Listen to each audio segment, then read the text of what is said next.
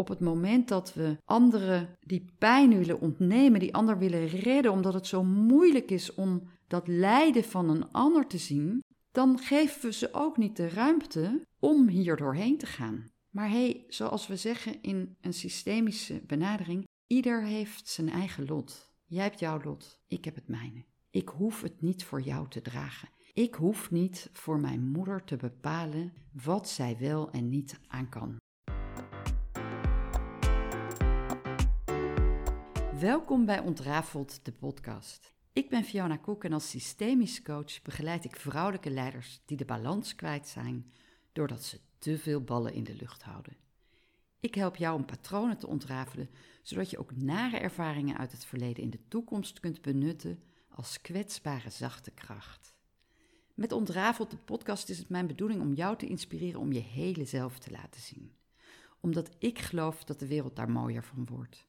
Zoals ik dat ook heb gedaan met mijn boek Ontrafeld, bevrijd door anders te kijken naar mijn patronen. In alles wat ik doe, durf ik tegenwoordig mijn kwetsbare kant te laten zien. En dat voelt vrij. Dat neem ik ook mee in mijn rol als coach. In de show notes vind je een link naar mijn website www.koekcoaching.nl. Deze aflevering gaat over onbewuste liefde naar het familiesysteem die ons zo in de greep kan houden. Het gaat over loyaliteit, over trouw en ontrouw. Ik was in een opleiding in Groningen, ik denk dat het 2012 was, bij Jan Jacob Stam, System Dynamics in Organizations. En ik zat naast hem aan de lunchtafel en ik zat met iets in mijn maag en ik deelde dat, want ik had net weer een telefoontje gekregen van de klant waar ik een week later, een week later, een uh, workshop zou geven van een halve dag in een organisatie. En ik voelde aan alles dat het niet klopte. Dat ik um, voor het karretje was gespannen, gevraagd was om die workshop te geven als een soort. Uh, om de boel te sussen. En ik wist, er is nog zoveel meer aan de hand in deze organisatie. En met die workshop ga ik die onderliggende dynamiek niet adresseren. Dus het klopte niet. En tegelijkertijd was er ook geen ruimte voor mij om, om dat aan te geven, om, om het groter te maken en om wel met die organisatie naar die diepte te gaan. En laten we wel wezen, dat is uh, uh, zo'n 13, 14 jaar geleden. Dus ik had ook niet de stevigheid die ik vandaag had. En ik kreeg niet verkocht dat ik daar meer van wilde. En het voelde, het klopte niet dat ik dat ging doen. Dus ik zei dat tegen Jan Jacob en hij zei, nou, misschien moet je het niet doen. Ja, ik dacht, ja, maar dat kan ik toch niet maken? Ik kan toch niet een week van tevoren dat afzeggen. En, en het, was ook omzet en ik wilde het natuurlijk goed doen. En ik had gezegd dat ik dat zou doen. En alles voelde, nee, nee, nee, dat kan ik niet maken. En toen zei hij, kan je een ander zijn lijden gunnen? Nou, die opmerking die heeft natuurlijk toen, uh, kwam die vol binnen. En die heeft, nou die reist nog steeds met me mee, maar zeker toen. Want ik dacht, ja, wat gebeurt er als ik ervoor kies om, in dit geval haar, die opdrachtgever, haar lijden te gunnen? En dit op het laatste moment af te zeggen.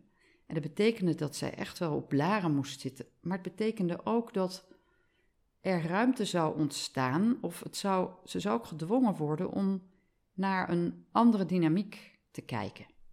Dus het was nogal wat wat ik deed met het, inderdaad, ik heb dat toen gedaan. Die workshop heb ik afgezegd. Dat heb ik toen gedaan. Ik heb die opdracht teruggegeven. Met pijn in mijn buik, wetend dat deze klant nooit meer contact met mij zou opnemen. Dat is ook niet gebeurd. Maar het is wel een voorbeeld van een stap die we soms te zetten hebben als we uit die loyaliteit naar anderen toe willen stappen. En ik zie het zo vaak gebeuren bij klanten die bij mij komen. Dus de volwassene die zijn of haar kind ziet worstelen met vraagstukken. En dan heb ik het over vaak al de volwassen kinderen. En ouders willen dan zo graag dat kind redden. Of de broer of zus die zich al heel haar of zijn leven lang tot jou wendt om haar te helpen bij alles waar hij, zij tegenaan loopt. Je moeder willen helpen. En dat heb je al heel je leven gedaan. Omdat je zag dat ze leed onder de relatie met je vader. Omdat zij zich hulpeloos gedroeg. Omdat zij het zo lastig vond om uitdrukking te geven aan wat zij nodig had. Dat jij hebt geleerd als kind om dat aan te voelen en haar steeds voor te zijn, voor haar te zorgen. Maar die impact, die is dan heel groot op verschillende plekken in jouw leven. Want je gaat een, een last dragen, een, een grote verantwoordelijkheid, die letterlijk heel zwaar is. En wat ik dan heel mooi doe als ik hiermee te maken heb in coachingssessies, en het gebeurt echt heel veel, een van de eh, manieren die dat prachtig inzichtelijk maakt, is dat ik aan de cliënt vraag om, nou dan zet ik bijvoorbeeld een, een krukje of een stoel neer voor uh, dat waar die cliënt zo loyaal aan is en zoveel voor draagt. En dan plaats ik haar, meestal, ik coach vooral vrouwen en zeker ook mannen, jullie zijn welkom, maar met name vrouwelijke leiders. En dan vraag ik haar om, om dat aan te kijken. Dat wat ze zo graag wil redden, wat ze, wat ze niet het lijden gunt. En dan is er direct die, die zware dynamiek. En het ehm, gevoel van, ja, ik, ik, ik, ik doe het voor jou. En dan vraag ik haar om haar handen voor zich te houden. En dan leg ik in haar handen boeken. En dan zeg ik: Voel maar wanneer ik zoveel boeken, zoveel zwaarte in jouw handen heb gelegd, dat het ongeveer gelijk is aan de last die jij draagt voor die ander. Nou, die boeken, als het dan tot die kin komt, die stapel, en dan, dat is echt heel zwaar, een stapel van, van je middel tot je kin. En dan zie ik aan dat gezicht dat het zwaar is en dat, dat ik nog wel even door mag gaan. Maar dan stop ik, want dan kan ze er bijna niet meer overheen kijken. En dan laat ik haar echt even voelen. En dan zeg ik, weet je, dit representeert dat wat je draagt voor een ander. En dat mag je nu laten gaan.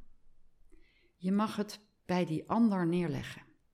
En vaak is het zo, dus dat vraag ik op om dat heel zorgvuldig te voelen. Het kan heel goed zijn dat van die hele stapel dat er wel degelijk nog een stuk is wat wel bij jou hoort. Dat mag je houden. Maar voel maar hoeveel je bij die ander neer mag leggen. En, en dan laat ik ook zeggen tegen die denkbeeldige ander die daar tegenover staat: Ik heb dit in liefde voor je gedragen. Want het heeft alles te maken met jouw enorme loyaliteit naar jouw familiesysteem. Of het, het systeem van vrienden en vriendin waar je dit voor draagt. Maar met name zie ik dat het voortkomt uit het familiesysteem. En vervolgens ga je dat patroon, dat, dat dragen voor een ander, dat ga je dan vervolgens ook doen in andere systemen. Dus het begint in de coaching ermee dat ik jou bewust maak van het feit dat je dat überhaupt doet, dat dat patroon er is. En dat je voelt de zwaarte van dat doen. Van je kunt het wel doen uit liefde, maar het belemmert jou ook. En sterker nog, in dat gedrag, in het dragen van die enorme last, in het willen doen voor een ander, maak jij jezelf ook onbewust groot en de ander klein. Of in ieder geval groter en de ander kleiner. En ik heb verteld in twee podcastafleveringen over de werking van systemen. Daarin heb ik uitgelegd de basisprincipes van familiesystemen en ook de overlevingsmechanismen. Dus als je die nog niet geluisterd hebt, dan raad ik je echt van harte aan om om daar wel naar te luisteren, om dat nu alsnog te doen. En dat kan ook na deze aflevering. Maar dan dat geeft achtergrondinformatie. En dan begrijp je ook dat we die patronen in stand houden. Dat het systeemgeweten, een van de overlevingsmechanismen van systemen is het systeemgeweten. En dat zorgt voor overleven van het systeem als geheel. En dat houdt patronen in stand, onbewust. Dat zorgt ervoor dat je steeds gedrag herhaalt. Maar het zorgt ook dat er een balans is tussen nemen en geven op een grotere schaal. En dat systeemgeweten en dat die balans die je steeds wilt tussen nemen en geven, je neemt wat en je geeft wat, maar die maakt dat op het moment dat jij, als het jou beter gaat dan de generaties die jou zijn voorgegaan, omdat jij wel gaat voelen, omdat jij wel uitdrukking weet te geven aan jouw behoeftes, jouw verlangens, jouw emoties bespreekbaar mee te maken. Omdat jij wel gelukkig mag zijn, echt gelukkig. Omdat je wel die opleiding mag doen die je moeder niet kon doen. Omdat je wel die eigen zaak kon, kan hebben die jouw vader niet kon hebben. Het, het creëert een gevoel van, dan gaat het mij beter dan het jouw vader, moeder, maar ook al die generaties die daaraan vooraf zijn gegaan. Hè, dat patroon wordt steeds doorgegeven. En dat zorgt dan onbewust dat het voelt als onbalans.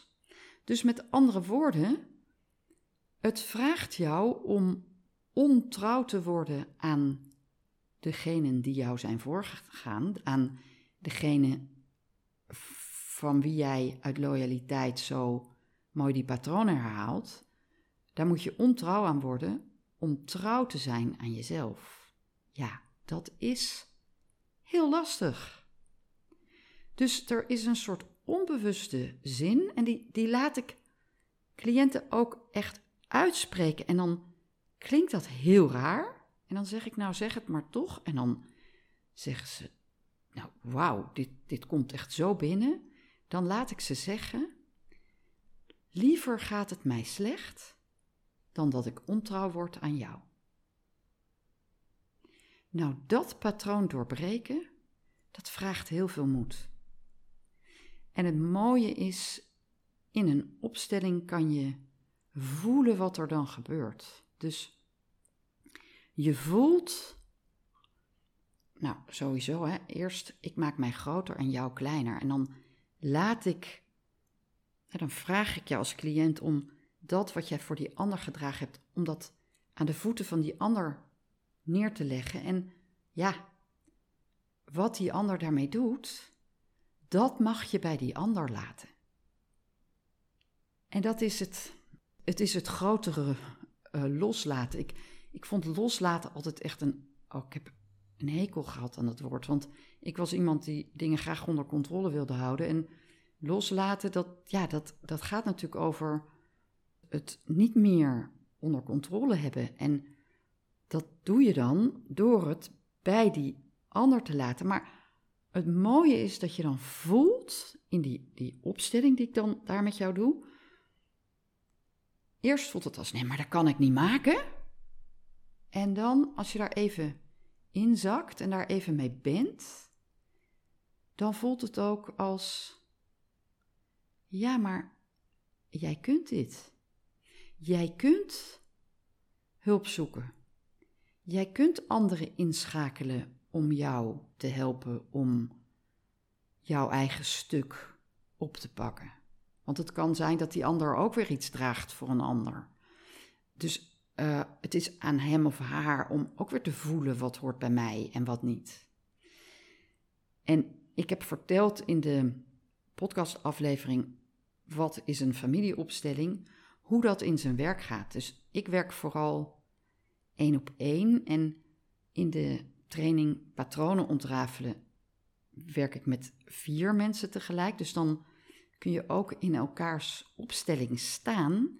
En één op één kan je dat ook voelen, maar als je met z'n vieren bent, dan kan de ander jou ook letterlijk teruggeven.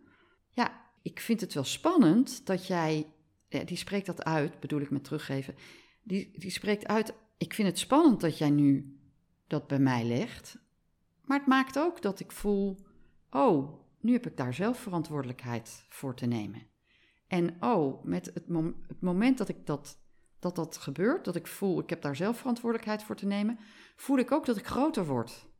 Dus daar waar jij je groter maakte door die ander te willen helpen, met jouw beste bedoelingen, maakte je de ander kleiner. En op het moment dat je het bij die ander laat, geef je de ander de gelegenheid om weer zo groot te worden als wat past bij zijn of haar plek. Jouw moeder mag groter zijn dan jij. Jouw zus of broer mag gelijk zijn aan jou. En in die podcastaflevering, die ik ook van harte aanraad over wat is een familieopstelling, laat ik je sowieso zelf ook wat opstellen. En dan geef ik allerlei universele thema's aan die, waar jij wellicht naar kijkt in die opstelling die jij net voor jouzelf hebt gedaan. En dat zijn zulke universele thema's dat je ongetwijfeld daar dynamieken in tegenkomt die je bij jezelf herkent. En dan leg ik ook uit wat daarachter zit. Dus luister vooral ook naar die episode als je dat nog niet hebt gedaan. En in die opstelling die ik je nou dan laat doen, of die je met een groepje doet, kan je zo voelen dat je een ander haar lijden mag gunnen. En dat betekent dat jij een schuld te nemen hebt. Want ja, dat voelt als onbalans. Het voelt als, ja, nu, nu neem ik heel veel van een ander. Ik neem, dat helpt soms, Stephen Covey noemt, van de emotionele bankrekening. Dat is, dat is pittig. Dat voelt heel erg uit balans. En dat is een schuld die jij te nemen hebt. Daar heb je het mee te doen. Om die ander haar lijden te gunnen. En dat is iets anders dan je schuldig voelen. Als jij je schuldig voelt, dan draag je dat zo met je mee en dan belemmert het. Het zet vast. Schuld nemen gaat over, ja, dit voelt als ontrouw. Dat klopt. Om trouw te zijn aan mezelf, moet ik ontrouw zijn aan jou. En dat is dan een schuld die ik te nemen heb. Daar heb ik het mee te doen. En op het moment dat je dat uitspreekt, wordt het lichter. En ik deed dat gisteren nog in een opstelling met iemand. En die voelde ook echt zo: wauw, ik kan nu, ik kan nu pas zien voor het eerst van mijn leven dat zij het wel zelf kan dragen. En dat zij dit aan kan. Dat zij wel hulp kan vragen. Dat is moeilijk en dat is wennen voor, voor mij en voor die ander. Maar ze kan het. En dat geeft ook heel veel opluchting.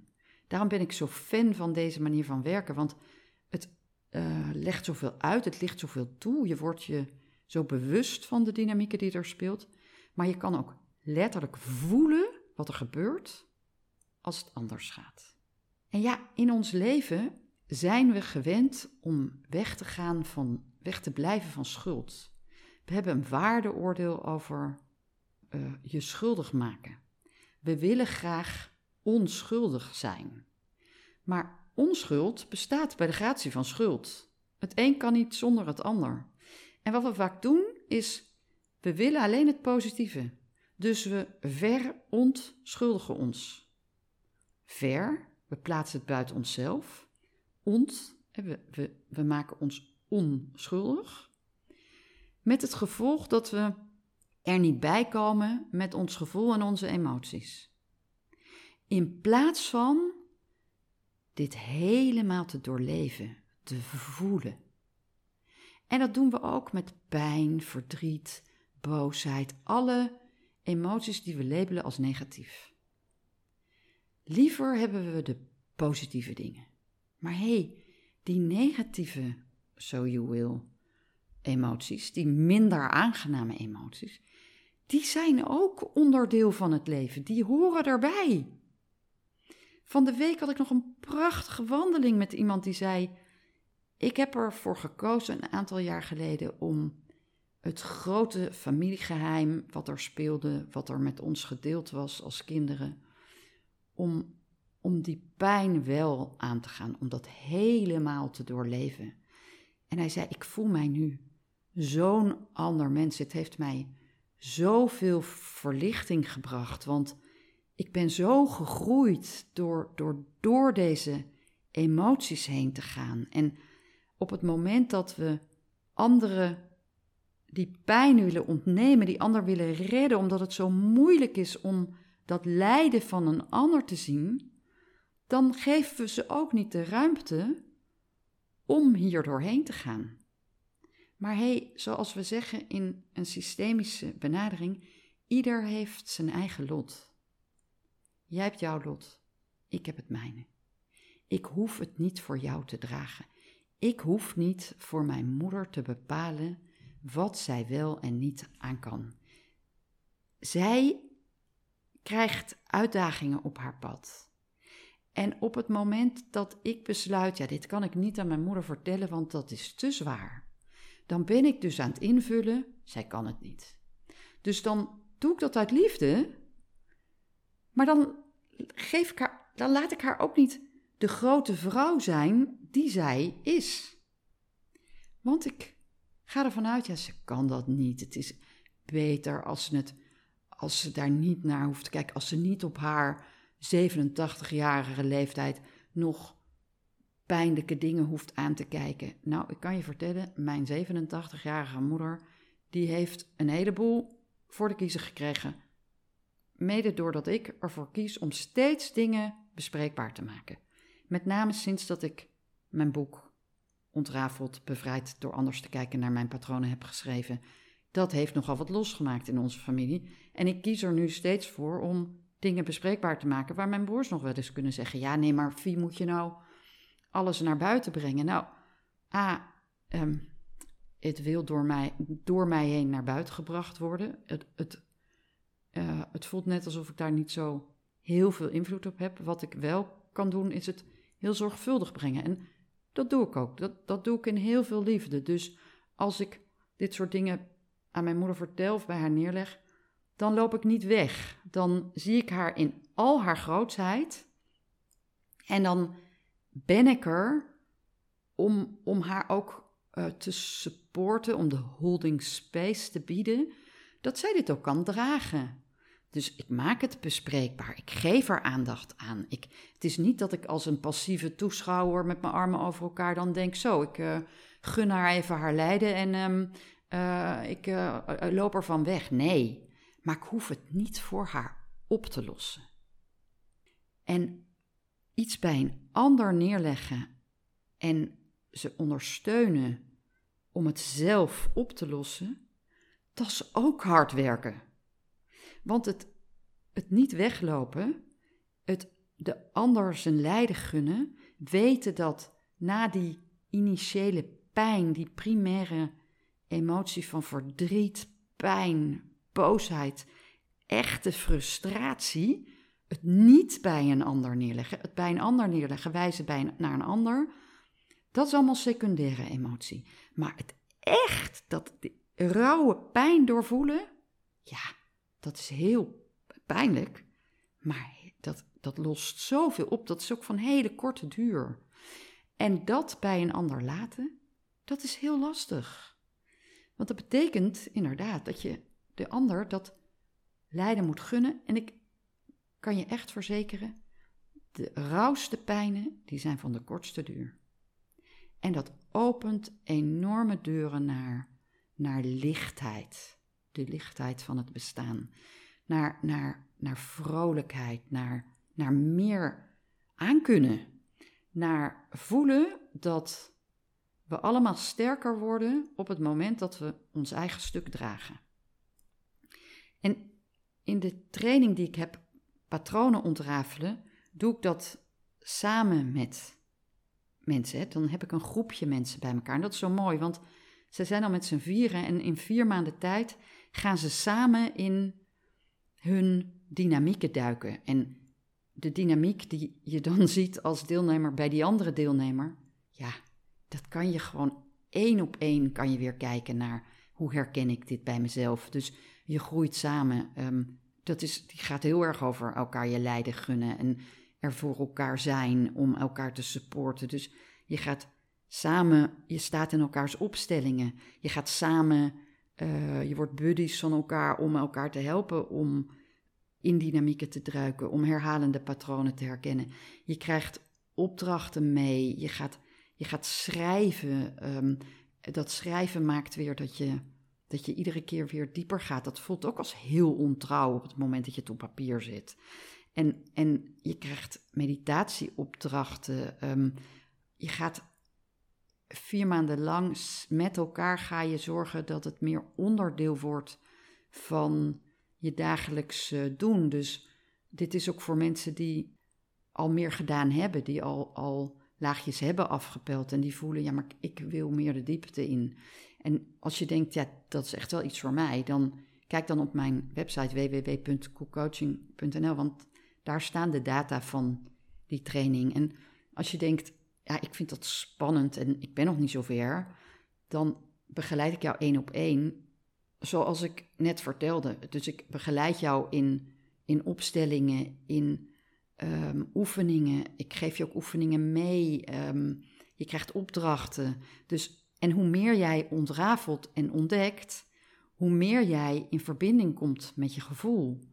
En hoe groter jouw verlangen om lichter in het leven te staan, hoe meer jouw coachvraag groeit. Dus dat is zo prachtig, want jouw initiële coachvraag die is vaak zakelijk ingegeven. Ik wil um, beter mijn plek in kunnen nemen. Ik, ik voel dat ik weer tegen een patroon aanloop, dat ik uh, neig mezelf klein te maken en dat ik opkijk naar mensen die met zoveel kennis en mensen die uh, boven mij staan in de hiërarchie of mensen die, die heel uh, verbaal en hoe zeg je dat in je hoofd sterk zijn. die, die walsen dan soms over mij heen, heel cognitief sterk zijn. En ja, dan voel ik me kleiner en dan heb ik geen weerwoord meer. En dan durf ik me eigenlijk niet uit te spreken. En ja, dat herken ik in mijn vorige baan. En dat dreigt er nu ook weer aan te komen, om maar een voorbeeld te noemen.